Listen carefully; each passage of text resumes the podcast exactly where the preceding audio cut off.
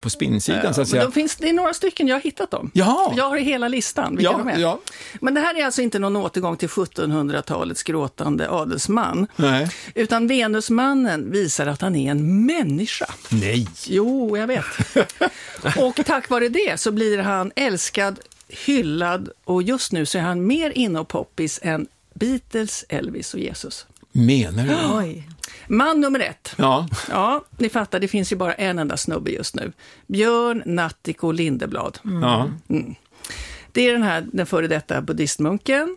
Han har ALS. Affärsmannen Ja, han- och buddhistmunken. Ja, just det. Han var finanssnubbe, ställde Ja. ner portföljen, åkte ner till kloster, var där 17 år, kom hem, ångest som fan, och sen så, eller som 17.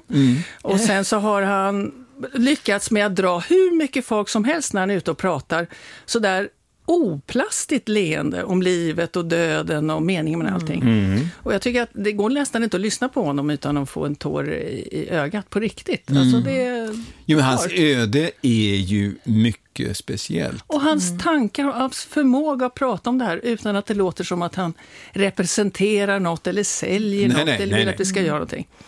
Och, och den, här, b- de- den här Björn då, han vet att vi svenskar, vi är ju väldigt i grunden skeptiska till religion. Mm. Men att vi samtidigt har ett stort behov av andlighet. Och resultatet? Ja, finns det idag någon mer älskad och beundrad man i Sverige? Jag menar, det är tydligen människor som håller på att tatuera vad han säger liksom på kroppen. Mm.